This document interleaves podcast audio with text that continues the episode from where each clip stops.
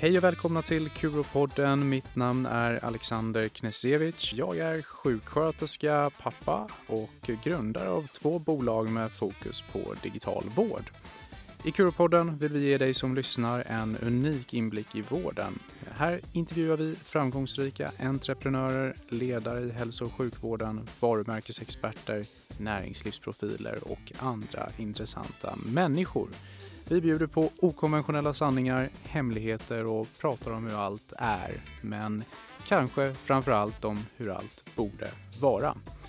Kuropodden är en podd som drivs av Curoflow. Curoflow levererar säkra och användarvänliga molntjänster till framförallt vårdsektorn. Och i dagens avsnitt så har vi förmånen att välkomna hit Johan Blom. Johan är en bekant till mig sedan några år tillbaka och en riktig entreprenöriell person. Han har grundat bland annat bolaget Adhelt Media med varumärkena doktorn.com, Praktisk medicin och varit VD där. På senare år så har han också hunnit med att starta AdHealth Capital och investerar flitigt i e-hälsobolag. Det ska bli väldigt spännande att få höra vad Johan har att säga om vad som utgör en god grund för investering i framtidens e-hälsobolag. Och eh, vi är jättespända på att höra vad du har att säga här idag Johan. Så, så varmt eh, välkommen till Kuropodden. Stort tack Alexander. Jätte, jätteroligt att ha dig här och vi, eh, vi har ju känt varandra i några år nu tror jag till och med. Eh, och eh, det ska bli jätteroligt att eh, få prata med dig och för, för poddens lyssnare att få perspektivet om hur är det att jobba eh, med hälso och sjukvård ur ett annat perspektiv, ett investeringsperspektiv eh, framför allt då eh, och höra, höra dina tankar och erfarenheter från, från vården. Men först tror jag eh, det är flera som är spända på att höra lite mer om dig. Vill du berätta vem, vem du är och vad du, vad, vad du jobbar med? Jag är en dalmas från Ludvika från början. Ehm, pluggat kemi och sen fortsatt in i läkemedelsindustrin under 90-talet. Ehm, jag har två barn, 15 och 17 år och en fru. Vi bor i Sollentuna. Ehm, och sen efter ja, läkemedelsbranschen så eh, hoppade jag av och startade eget med en kollega. AdHealth Media då som vi heter idag. Och där vi fick, eh, liksom fokuserade på media och till patienter och läkare. Så att säga. Så att information till patienter och läkare. Och sen 2016 någonstans då började vi se att det hände något inom just e-hälsa eller digital hälsa. Och då började vi investera de vinster vi gjorde i, till startups för att få fart på den delen. Just det. Och vad, vad kom idén till eh, AdHealth Media från eh, i, i början där? Eh, ja, det, det, det, det, roliga just med eh, när man startar något eget är att man börjar med en idé och sen utvecklas till något annat. Så grundidén från början var att vi när jag jobbar i läkemedelsindustrin så behöver man ju nå ut med information om läkemedlen till läkarna. Annars har de ju ingen chans att förstå liksom vad det är.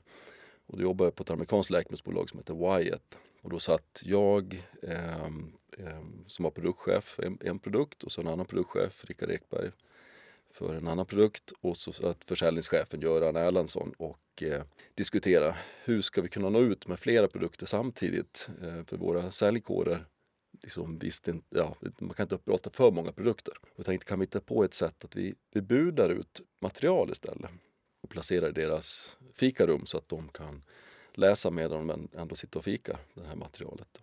Så då började vi det. Eh, tog vi fram den idén och så såg vi att men det här var ju så bra tyckte vi så då vi hoppar av. Så jag och Göran Erlandsson hoppar av och startar då. Eh, på den sidan hette vi Erlandsson och Blom. Startade upp den idén. Så vi inte tar inga löner, bara vi, vi lånade till en dator som var dyr på den tiden och telefoner. Och så hade vi en kartong som bord. så att det min lägenhet i blås ut. Så det var starten. Just det. Ja, det var det, var, det låter som att det har varit eh, hårt jobb då fram till att eh, senare få bolaget lönsamt och, och, växa. Ja, det gick, eftersom vi kom från branschen så hade vi mycket kontakter så efter ett tag så började vi få uppdrag. Men vi märkte just att den här, en typisk sak som händer när man har en ny idé det är att, och beroende på vilken tjänst det är, att vi var ute och sålde in idén och så fick vi en, liksom en order och Och så började vi jobba med att leverera den här ordern. Och när man håller på med den då hinner man inte sälja samtidigt. Men när vi har fått den här ordern då tog ju pengarna slut. Och då måste man ut och sälja igen. Så det blev väldigt mycket som berg och dalbana i, i likviditeten så att säga. Eh, och då börjar vi tänka på hur ska vi kunna få en mer jämnt flöde. Och det intressanta att det ena ger det liksom den andra det är att när våra liksom, bud eller vi var ute på vårdcentralen och lämnade det här materialet då såg vi liksom i väntrummen att det låg liksom broschyrer lite här och var, det var gamla slitna eh, veckotidningar och så vidare. Eh, och det var ingen som skötte liksom väntrummen och informationen där. Och då tänkte vi, här borde man ju ha ett broschyrställ där patienterna kan gå och ta material och läsa och där personalen kan hänvisa till broschyrstället. Liksom, läs mer om den här sjukdomen så förstår du mer. Så då startade vi upp eh, broschyrställ i, i väntrummen och vi startade även en tidning, tidningen Doktorn som vi, när vi ändå var där ute så kunde vi fylla på och sköta det här. Så att, och då blev det en löpande intäkt för det var läkemedelsbolagen som liksom eh, hade de, producerade de här broschyrerna och så fick vi annonser i den här tidningen. Så, så det var den första liksom löpande eh, delen. Och sen kom ju den digitala eran några år senare som vi startade med doktor.com. Just det. Och Doktorn.com är ju en, en välbesökt eh, sajt inom eh, hälsa och ja, sjukvård idag. det är en av de större efter 1177 så att, som patienter besöker. Så att det, det har vuxit ordentligt sedan vi startade. Var, var det tanken från början att det skulle bli så eller är det något som har utvecklats över tid? Att, att ni har sett att här, här kan vi locka läsare och hjälpa människor att komma underfund med ja, sina besvär eller funderingar? Det har hela tiden varit liksom en, ett fokus eller en vision och det är ju vår vision från början att, att hjälpa allmänhet och, och läkare och annan vårdpersonal att liksom kunna mer om, om hälsa. Och det finns en hel del eh, intressant data just på om en patient är påläst på sin sjukdom så får man bättre behandlingsresultat. Man blir mer benägen att ta sin medicin för att man förstår att den är viktig. Eh, man kanske följer upp symptom som man är osäker på tidigare och man kanske äter bättre och rör på sig om man vet om nyttan med det. Och det har hela tiden varit vår liksom, fokus i det här. Sen har ju, har ju vi liksom alltid behovet att vi måste få ekonomi i det eh, jämfört med kanske med Eh, myndigheter som 1177. Eh, de har andra resurser och behöver kanske inte fokusera på det. Så att vi måste ändå hela tiden tänka på att jobba med att få in någon annons eller liknande för att täcka liksom, vårt fokus utåt och med information. Och, och, du nämnde lite kort här att eh, sedermera så har ni använt vinst för att investera då i eh, startupbolag inom e-hälsosegmentet framför mm. allt. Hur kom det sig att ni började tänka i de banorna? För nu är ändå ganska tidigt ute. Ja, vi har alltid det som har varit en fördel för oss är att försöka hitta nya eh, idéer och försöka liksom vara fram, längst fram med eh, ja, innovationer på olika sätt. Och, och, då såg vi den här när man började titta på att ha ett hälsokonto så att säga, för hela svenska befolkningen. Och myndigheterna började upphandla det. Och, tänkte vi kan väl, och det var, drog ju på tiden så mycket så att då tänkte vi det här kanske vi klarar av att skapa själva. Men vi märkte snart att det var väldigt svårt och det är mycket komplicerat. Så då sa vi det är bättre vi investerar i någon som har, är dedikerad, verkligen fokus på det här. Och, och, samtidigt kom många entreprenörer till oss i och med att vi hade sån stor räckvidd bland patienter. Så kommer till exempel grundarna av eh, Rickard Lagqvist från, med Verlabs och diskuterade hur kan vi nå ut via er. Min doktor var där, Magnus Nylén, sen Kry pratade vi en hel del med och såg att eh, liksom, här händer det saker. Och vi fick även erbjudande att investera då. Men då tyckte jag att oj, vilka höga värderingar.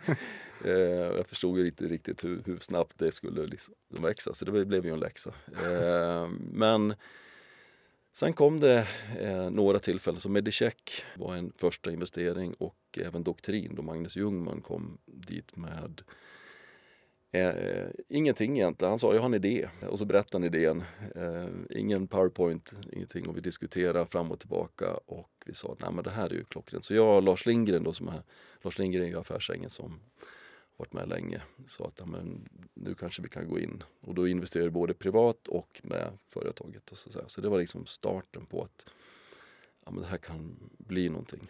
Och jag antar att värderingarna eh, blev väl inte lägre utan eh, det var väl snarare så att ni, ni kanske anpassade er till att värderingarna var då förhållandevis höga men med Ja precis, vi, vi förstod väl när, när man såg andra bolag stack iväg i värderingar men då borde det finnas fler som klarar av att göra samma resa och det, det fanns det ju.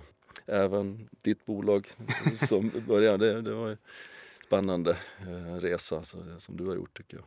Ja, eh, och varför tror du att eh, e-hälsa har fått den utveckling som den har fått nu då? Ni, ni var ju som sagt med tidigt eh, och, och investerade i olika e-hälsobolag. Eh, vad, vad, är det som gör att det har blivit den här värdeutväxlingen både för vården, patienterna men också då i kronor räknat om man, om man tittar på det viset? Sverige är ju duktiga på entreprenörer och tech och man såg väl den här möjligheten att vården var ju, liksom, bankväsen hade ju redan liksom blivit digitaliserats mycket mer eh, och man såg att vården låg långt efter. Så då var det ett antal entreprenörer som såg den möjligheten.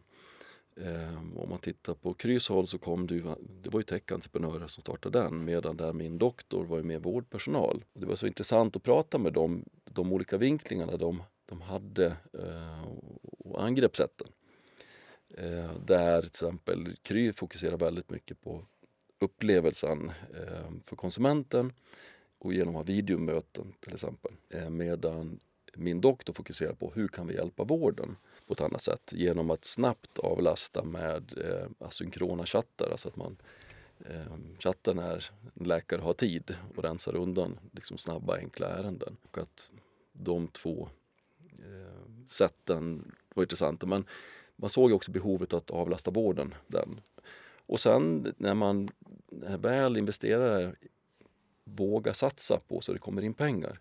Det är då det händer någonting också och man kan bevisa. Eh, jag tror att Kry hade, om inte de hade fått in kapital så hade ju de dött och då hade man säkert hela den här eran hade tagit mycket längre tid eller min doktor eller andra bolag. Och hade inte investerarna varit där och stöttat då hade vi inte sett den här utvecklingen av digital vård i Sverige. Och utan att eh, på något sätt eh, försöka säga att eh, Kry eller min doktor är bättre än den ena eller den andra. Så, men eh, just sättet att ta emot patienter på, i alla fall för några år sedan då, det var ju ganska, eh, det skilde sig ganska mycket då. Att det ena var videobesök, synkrona videobesök och det andra var chatt. Vad, vad tycker du då som, som vårdkonsument eller, eller patient eller pappa till eh, barn som behöver vård? Vad, vad, är, vad är smidigast när man, när man söker online? Eh, det beror på situationen. Sitter jag med ett barn där jag är så osäker på vad det är, då kanske jag gärna vill ha ett videobesök och diskutera. Däremot vill jag förlänga mitt recept eller bara få mig, jag vet vad jag har för problem. Eh, då är det bättre med en chatt och få det undanstökat. Och det är där, det är där jag tror också vården kan ha stor nytta av den digitala, att avlasta så mycket. Och det är bara att jämföra, jag själv, om jag ska inte, om det inte finns digital vård och jag ska kontakta min vårdcentral, ja, då ska jag först ringa upp dem exakt klockan åtta på morgonen när de öppnar. Och sen ska jag sitta och vänta på att de ska ringa tillbaka en viss tid. Missar jag den så ja, kanske de ringer en gång till, sen jag ringer mer. Då måste jag vänta en dag till. Ibland säger de, är de osäkra för det är oftast receptionist eller sköterska och ringer upp, det är inte en läkare. Då säger de, ja du får boka in en tid om de vill det. Så säger jag, beroende på ersättningssystem eller vad det nu kan vara. Den ligger kanske tre veckor framåt eh, innan jag får en tid eller ännu längre. Och har jag då också besvär med smärta eller liknande eh, som gör att jag arbetar sämre eller till och med är sjukskriven så blir det enorm kostnad för samhället. Istället för att snabbt kunna bli hjälpt med det jag vet hjälper. Eftersom är man kroniker så har man ofta koll på vilka sjukdomar eller vilka recept man ska förlänga eller, eller liknande. Och vi, vi ska prata eh, mycket mer om, om digital eh, vård här under podden men bara lite kort, vad, tror du motståndet kommer ifrån om man säger Kry och, och, och min doktor och liknande digitala vårdgivare har ju fått ganska, eller rejält med kritik eh, genom åren, framförallt då kanske från offentlig sektor men även till viss del privat. Var, var, varifrån kommer kritiken tror du? Ja, en svensk avundsjuka kanske. Och sen, eh, jag tror också att det fanns en väldigt stor osäkerhet att kan man verkligen behandla eh, patienter eh, digitalt? Läkarkåren och eh, liksom vård-Sverige inte liksom hade den förståelsen eller kunskapen vad man åstadkom. Sen självklart reklamen i sig, att man hade jättemycket reklam, det sticker i ögonen. Eh, men det var ju det sättet som fick eh, upp ögonen och fick verksamheten att fungera för de här stora, eller stora aktörerna, de här digitala vårdgivarna. Vilket gjorde att vi stod starka under covid. Vad hade vi gjort utan digital vård under covid? Det hade ju blivit katastrof sen, upplever jag. Så att eh, då hade vi nog haft ännu fler som hade varit, eh, liksom, det kroniker har blivit sämre och så vidare. Så att på ett sätt eh, jag tror också det här med att avlasta akuten på ett helt annat sätt och det har vi till exempel Knodd är ett sånt exempel på. Som tar hand om stor del av, av barn, eh, mötena digitalt. Nu ska vi ha en disclosure att jag, vi är också delägare i, i Knodd. Så att, men eh, där ser man också när de har gjort undersökningar att väldigt många av de föräldrarna skulle ha gått till akuten annars. Och vad det kostar ja, samhället. Jag är ingen delägare i, i Knodd men jag har använt eh, dem eh, ett par gånger för, för vår dotter och vid ett tillfälle så hade vi nog åkt in till eh, eh sjukhuset om vi inte hade fått prata med Knodd. Mm. Så att, eh, jag kan väl skriva under på, på mm. det tror jag. Eh, ja, nej men eh, och, och, på tal om covid som, som du nämnde nu, det är ju ingen eh, i Sverige eller världen som har eh, missat att vi har haft en pandemi och det är ju också då kan jag nämna för poddens lyssnare anledningen till varför vi har ett något försenat avsnitt här för att vi eh, har velat hålla lite på restriktionerna och inte sitta i det här lilla poddrummet nu då. Men, men nu är det ju fritt fram igen så att eh, vi är glada att vi kan eh, köra på här. Men lite mer om ehm, eh, vad, vad, skulle du säga Johan är det viktigaste när man, eh, om man vill investera i framtidens eh, e-hälsolösningar? Vad, vad, tittar du efter när du ska bedöma en entreprenör eller, ett, eller en affärsidé? Vad, vad, vad brukar du titta efter? Eh, absolut viktigast och, det, och, det ju, eh, och det, vi går ju som, vi går in tidigt. Så att vi är väldigt tidiga, alltså det är väl i starten så att säga. Kanske efter Family and Friends som man brukar säga att liksom släktingar har gett lite pengar för att man ska komma igång och starta bolaget. Sen kommer vi in och investerar i, i en idé eller man kanske har en, eh, en produkt eh, börjar man kanske till och med har vågat pröva med några, några kunder så att säga. Men där tycker jag du är ett väldigt bra exempel på vad, vad vi tittar på och vi har lärt oss nu genom åren. Och det är ju grundarna. Alltså grundaren eller grundarna. Eh, har man en grundare som är dedikerad, har kanske en kunskap från den branschen så är det en stor, stor fördel. Jag vet inte om du har berättat i din podd liksom din bakgrund eh, men, men det var väldigt spännande att, att se.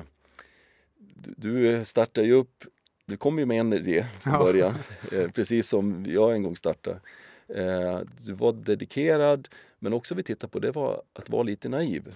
Mm. Att man ska våga kasta sig in i saker. För om du hade vetat nu hur mycket jobb det har varit, då vet jag inte om du hade satsat på det. Nej, det nej. bra fråga. Eh, då, då kom jag ju från en anställning i kommunen. Och Ja, man har ju sina veckors semester och man har rätt till att vara föräldraledig. Det har man ju som entreprenör också men, men det är klart att det blir lite på ett annat sätt och, och timmarna man lägger ner är ju ofantliga. Eh, det, det är ju ingenting man får ersättning för förrän kanske tio år senare då om det eh, summeras ihop till det. Men, men eh, ja, nej det, det vet jag inte om jag hade gjort idag men sen så här några år efteråt så, så blir det ju också nästan som ett beroende för att det blir ju någonstans en, en frustration. Ju mer man vet, ju mer man ser, ju mer man hör, eh, desto mer växer frustrationen men också viljan att eh, vara med och, och, förbättra eh, och förändra. Sen kan jag ha mycket åsikter om både en och två och tre entreprenörer och idéer och hur, hur man gör saker och sådär. Så, men ja. För det var väl en viktig sak som jag upplevde hos dig, det var att du drevs inte enbart av pengarna utan du drevs av att du vill förändra någonting du såg som inte funkade. Mm.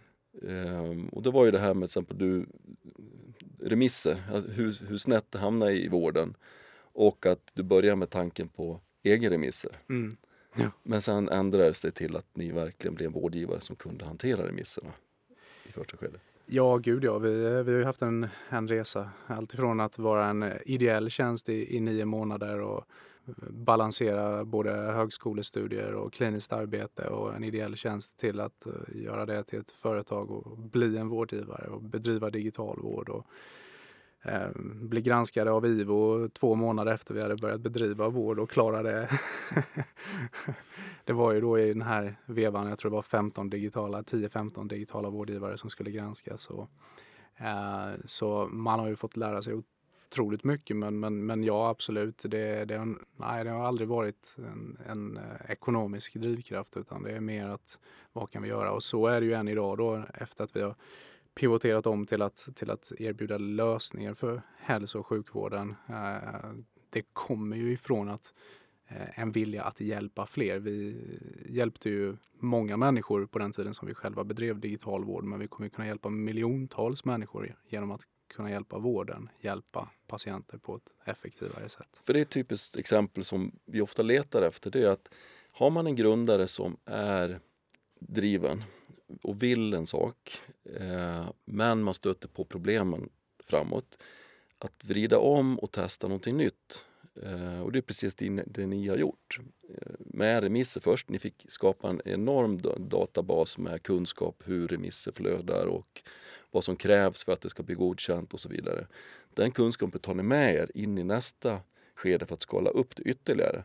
Men inte för att liksom, eh, skulle ni ha den här plattformen och eh, så säga, bygga in er och, och, ha ett eget företag, och då hindrar ni ju väldigt många andra från att dra nytta av den. Istället liksom stänger ni ner den verksamheten och bygger en verksamhet som alla andra kan dra nytta av. Och det är ju verkligen att förändra ett flöde. Och jag tror i slutändan så blir det det som blir en lönsam affär. Eh, om man kan då se till att det blir bra för många. Ja, nej men det, det, det hoppas, hoppas vi absolut. Och, eh, men, men hårt jobb är det och, och, och man kanske har en, eh, vi, vi, intervjuar ju många människor nu för olika positioner hos oss och eh, det är inte sällan man stöter på entusiastiska människor som söker jobb och som, som har en föreställning av hur det är att jobba i ett ungt bolag där det bara är roligt och det är det är kaffe och fika och det är mm. party på kontoret och sådär. Men eh, det är ju ganska långt ifrån verkligheten. Det är oftast hårt jobb. Kommer in på kontoret åtta, går åtta på kvällen.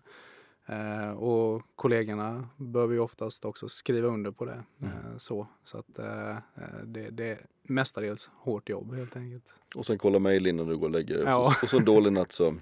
exakt, och ingen träning. nej, precis. Exakt.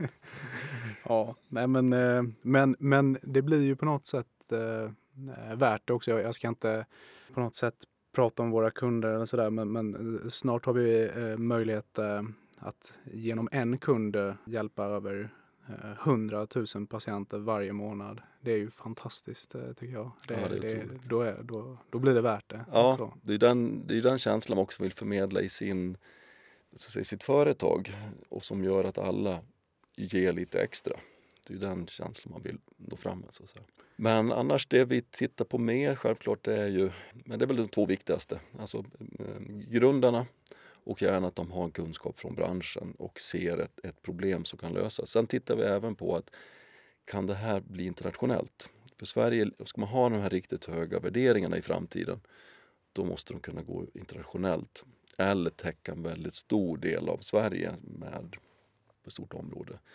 Eh, skalbart, att det inte ska behöva starta upp verksamheter i varje land utan att det är en digital lösning som som kan löpa på. Och gärna den här typen av SAS, prenumerationslösningar så att det tickar in pengar över lång tid så att säga, så man kan se, se det. Ja, hur känner du själv att eh, ditt liv som entreprenör har präglat dig? Skulle du vilja gå tillbaka nu och ta anställning någonstans eller är du fast nu? Nej, det skulle jag nog inte vilja. Eh, jag, har, jag njuter av en frihet men också drivkraften att liksom förändra och påverka. Um, och det var väl det när man satt i ett stort amerikanskt läkemedelsbolag att man är ju en liten kugge där man inte, om man vill förändra något så tar det ganska lång tid och det, det kan vara svårt. Så att uh, jag såg nog det, var, det här var roligt och kunna styra. Men däremot har det blivit många, många mer timmar och, och stress eh, än säkert om jag skulle varit kvar i, i en fast anställning. Och eh, du har ju varit med och som sagt startat eget bolag och du har ju också varit med i, jag vet inte hur många styrelser och eh, startupbolag och sådär.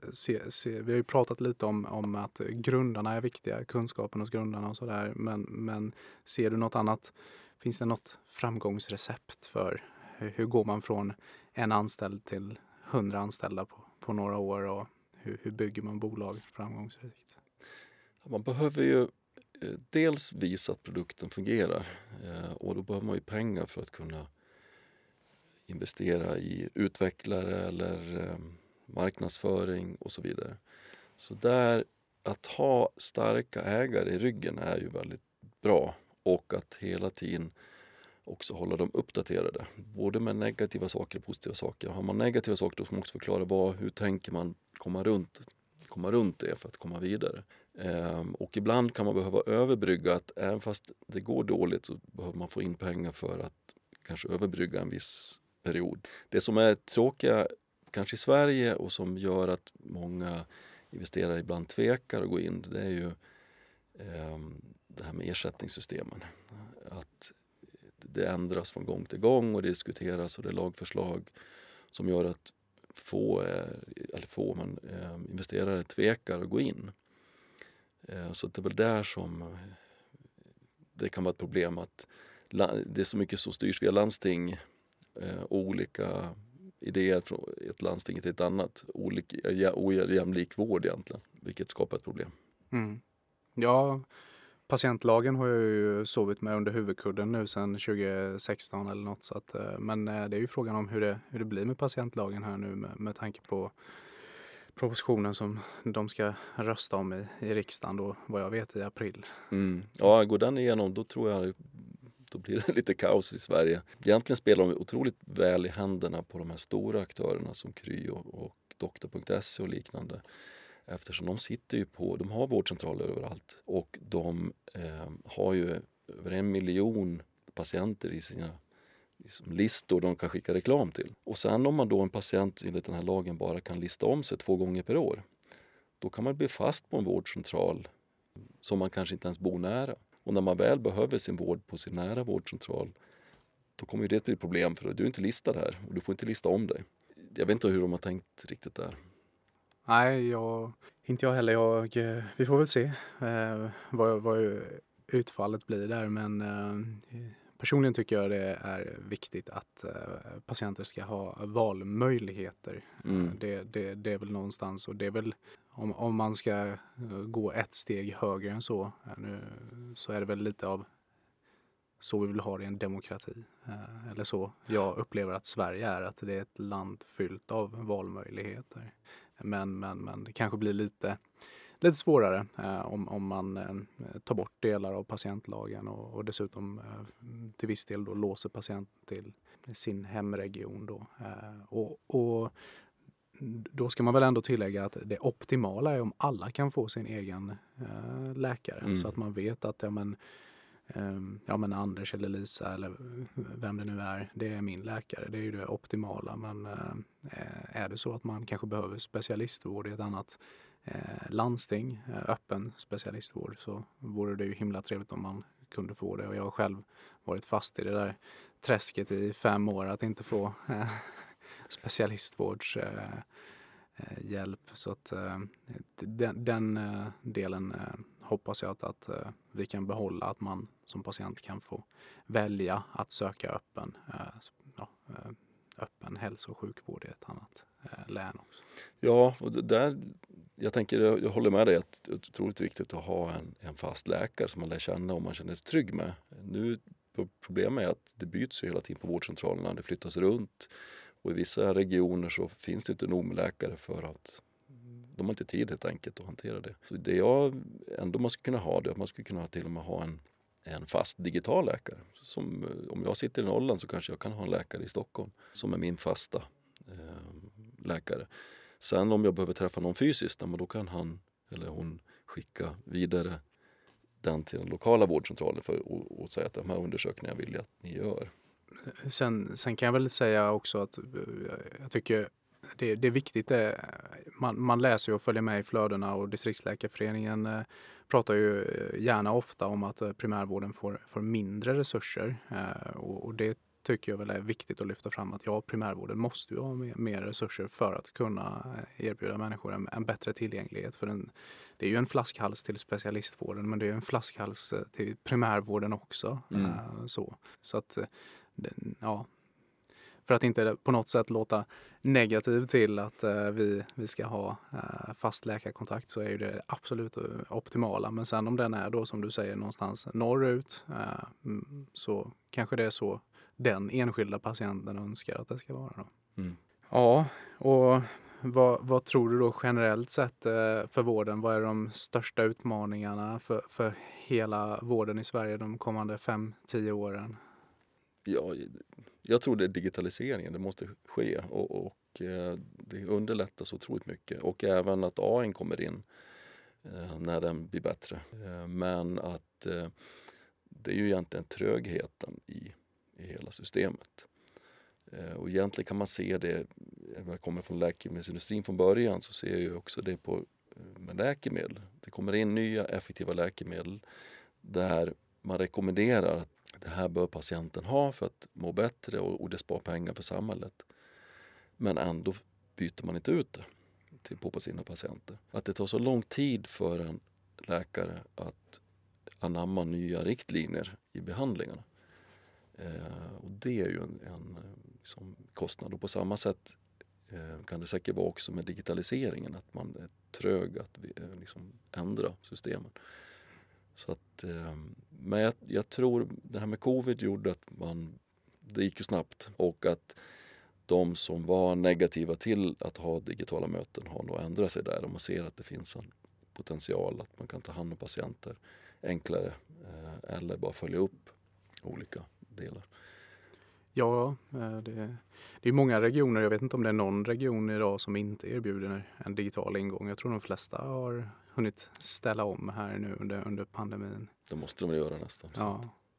Tror du vi klarar Vision e-hälsa 2025? Bäst i världen? Jag vet inte. Jag har, jag har inte följt med de andra länderna så hur långt de har kommit.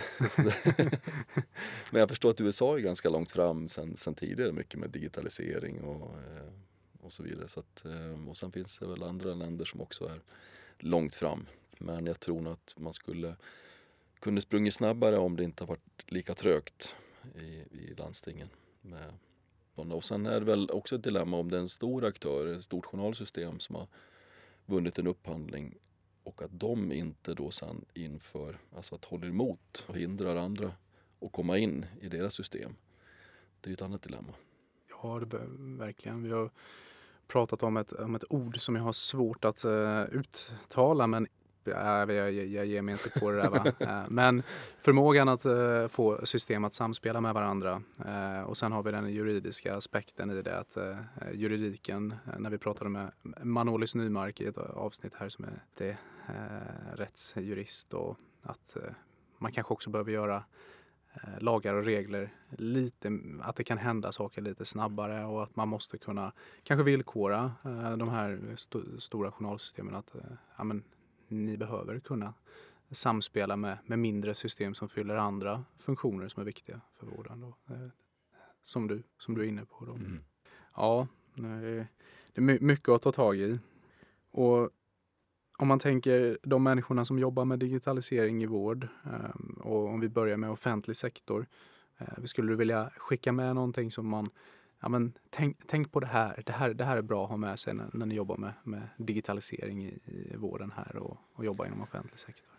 Jag har inte riktigt järnkoll på den. Jag är inte nere på golvet på det sättet. Ehm, men eh, det viktiga är att liksom försöka ta, ta till sig det, det nya och, och, se nyttan och, och, brinna för någonting där man, för patienterna. Hur kan jag göra det enklare och effektivisera? Och sen också de äldre som inte har digital, att avlasta de som vill, eh, som jag eller jag kanske vill ha digital vård för att förenkla och hinna med andra saker i livet än att sitta i ett väntrum och vänta och, och så vidare. Men eh, då får ju de mer tid till att ta hand om de äldre. Att man försöker se den bilden. Och även då för myndigheter och sånt att se över hela strukturen.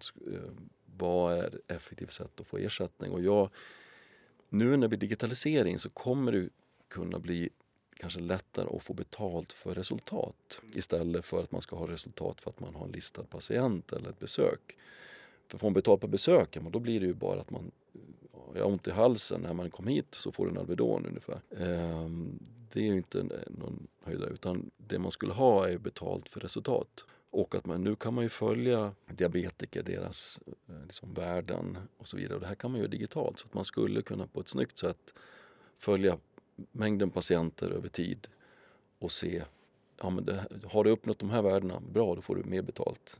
Och då, det är ju, gynnar ju hela samhället.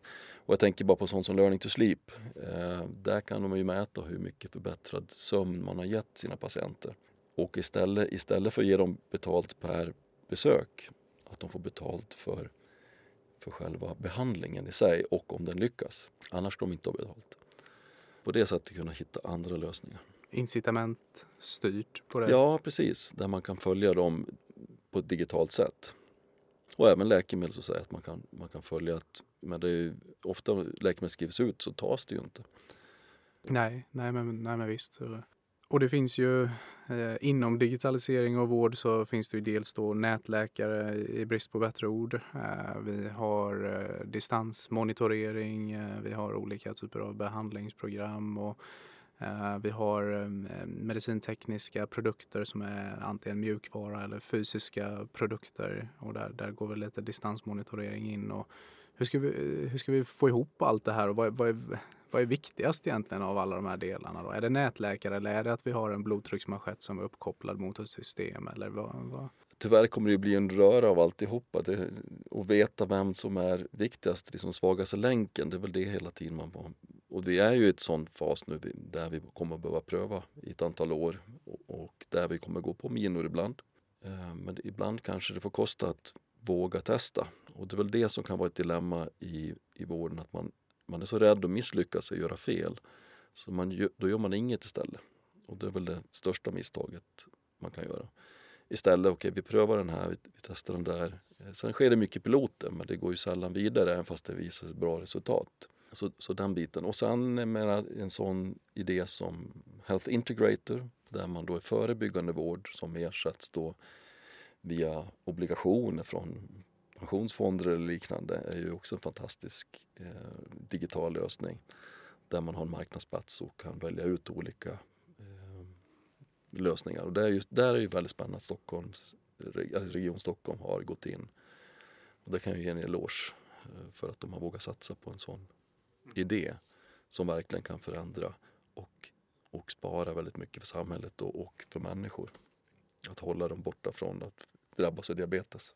Ja, nej men tänker man till lite så, så inser man eh, rätt så fort att eh, alla beslutsfattare där ute oavsett om det är privat eller offentlig sektor och, och man bedriver vård att, att ta beslut om vad ska, vad ska vi satsa på den här, eh, det här kvartalet eller nästa mm. år? Eller, och i vilken ordning kommer vad? Då kan vi integrera det här mot det där. De har, de har lite att stå i eh, med alla innovationer som, som faktiskt kommer upp. Det måste vara otroligt svårt för dem att välja. Det kommer ju mängder med nya idéer och, och, och lösningar. Ehm, och risken finns väl att det är de redan stora etablerade som har har kontakter med de här beslutsfattarna. Att det blir enklast att kanske välja dem igen för de känner sig trygga. Vi vet att de, de funkar. Men då kommer inte innovationerna in. För de, de vill ju ha kvar sin intjäningsmodell. Eh, så någonstans måste det pressas på att man kan öppna upp för andra möjligheter. Ja, nej men verkligen. Så är det ju. Och det, de klassiska exemplen är väl de stora journalsystemsleverantörerna då mm. kanske. Ja, nej men eh, vi, eh, vi börjar närma oss eh, slutet här Johan. Eh, mm. Jag vet inte, finns det någonting sådär som du känner att ja, men det, här, det här måste jag verkligen få fram nu här i, i, i podden? Jag tänker mer på eh, liksom, livsfilosofin, jag tänker som entreprenör för dig. Eh, liksom, vad är det som gör att man kan vara uthållig över tid? Ehm, och få, ha gnistan varje dag och kunna gå vidare. Så att säga. Och, och den kan vara lite intressant att liksom höra från dig. Vad är det som ger att du orkar liksom kämpa? Du har ju ett litet barn nu också och att det blir mindre sömn. Mm. Hur klarar man dagarna? För min egen del har det varit så mycket att eh, jag brukar använda den här, en, en liknelse som... Eh, för, för det, ett problem är ju att om man är rädd för misslyckanden då vågar man nästan inte göra någonting. Så man måste våga ta ett misslyckande som en, någon typ av nästan eh, lär, framgång. Okej, okay, jag misslyckades. Det här, det här ska jag lära mig någonting av. Hur kan jag göra för att det ska bli bättre nästa gång? Det är absolut viktigt. Men också att man får nästan inte heller bli för glad för att lyckas. Det gäller att hitta en, en bra medelväg eh, så att fallet inte blir för mycket när man, åh jag har lyckats och så kraschar man och så blir man deppad. Så att, jag brukar ha ett intressant liknelse med den här bonden eh, som hade en häst och så smet hästen och han blev förtvivlad. Sen några dagar senare kom hästen tillbaka med andra hästar, vildhästar och han blev jättelycklig. Och så får hans son rida in hästarna, eh, de här vildhästarna och så ramlar han av och bryter benet och blir halt. Och då var bonden igen, det är ju katastrof. Det var bara negativt att de här vildhästarna kom. Och sen så kommer då en general med sin armé och ska rekrytera soldater. Och då vill de inte ha sonen för att han var ju halt. Då slapp han gå ut i kriget, då var bonden glad igen. Så att just det, det behöver inte betyda att det är något negativt att kanske man upplever misslyckande eller tvärtom att det är jättepositivt att lyckas med någonting att försöka hitta en jämn balans och liksom se sig själv utifrån när man upplever att man eh, mår dåligt eller någonting. Okej, okay, vad är det egentligen som ger det här? Och ifrågasätta hela tiden sina Eh, kanske eh, visioner eller mål. Eh, och är det verkligen dit jag vill? Och vad, och vad uppnår jag när jag når dit? Sådana saker. Jag tänkte på hur, hur, hur jobbar du där, så att säga, eller med dig själv? Jag, jag, skulle säga att i och med att det är så, så mycket upp och nedgångar så tror jag att man måste vara pragmatisk. Eh, det går inte att gräva ner sig. Man, man kanske har en nyckelperson som väljer att gå vidare till en annan tjänst. Eh, då går det inte att hela världen faller ihop för det eller man inte får den där finansieringen som man hade hoppats på. Eh, då får, får man vara pragmatisk. Man kanske kan sörja eh, vad det nu än är i en eller två dagar och sen är det bara att gå vidare. Och sen tycker jag att man måste liksom verkligen gå in i sig själv och, och, och tänka efter vad är, vad är min drivkraft? För om du har, om, om du vet det, för vi, vi, vi kan alla prata om att ja, men jag, jag vill eh, hjälpa si och så många människor, jag vill bidra till det här. Men eh, jag, eh, jag, undrar om, om det är den faktiska drivkraften för de flesta människor. Där tror jag man behöver vara ärlig mot sig själv. Är det pengar? Är det det som är min drivkraft? Ja, då då kanske det är så. För mig är det inte eh, pengar alls egentligen. Eh, det räcker med en vanlig månadslön. Och, men jag vet vad min drivkraft är. Så, så, så där har jag nog lagt mycket fokus. Och sen tror jag inte på delmål. Jag tror på liksom det där målet där långt borta. Eh, och inte fira att nu fick vi in den här jättestora kunden. Nej, du behöver tio till. Hjälpa tio till och tio till. För att, eh, så, så jag, jag tror inte på det får man annars höra från ledarskapscoacher och sådär. Att sätta upp delmål och jobba mot delmål och så vidare. Nej, eh, jobba mot det där stora målet där borta istället. För då kommer du varken bli nedslagen på vägen och inte heller överlycklig över de här små vinsterna på vägen utan du vill ha fler vinster. Så det skulle jag säga.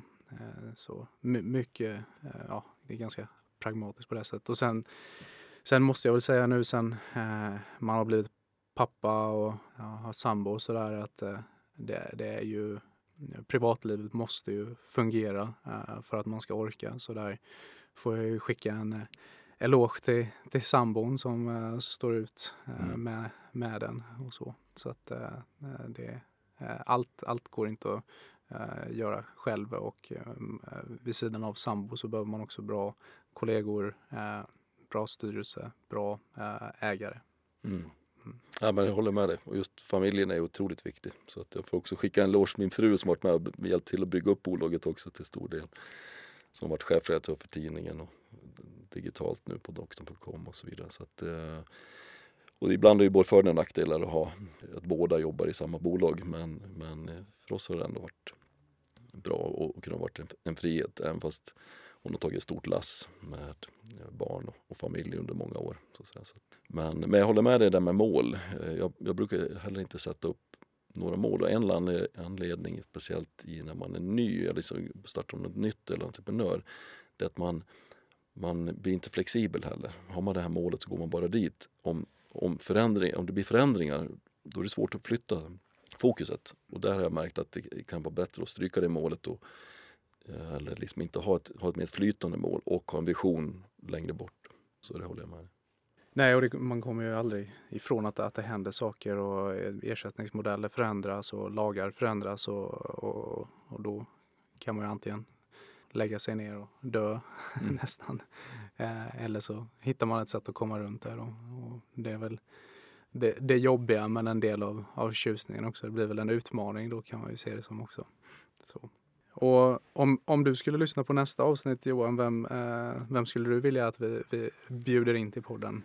Ja, jag har ju några favoriter men eh, som är väldigt kunniga som man vill lyssna väldigt mycket på. Krimtal är ju väldigt spännande. Nu ny VD på Mindlab men också entreprenör som har byggt upp många bolag. Eh, Tobias Perdal, han är ju väldigt duktig. Din, din konkurrent i podden.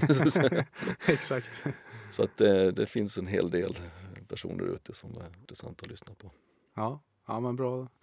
Bra tips. Eh, vi får se om det blir eh, Tobias, men Krim ska jag ha i åtanke. Ja.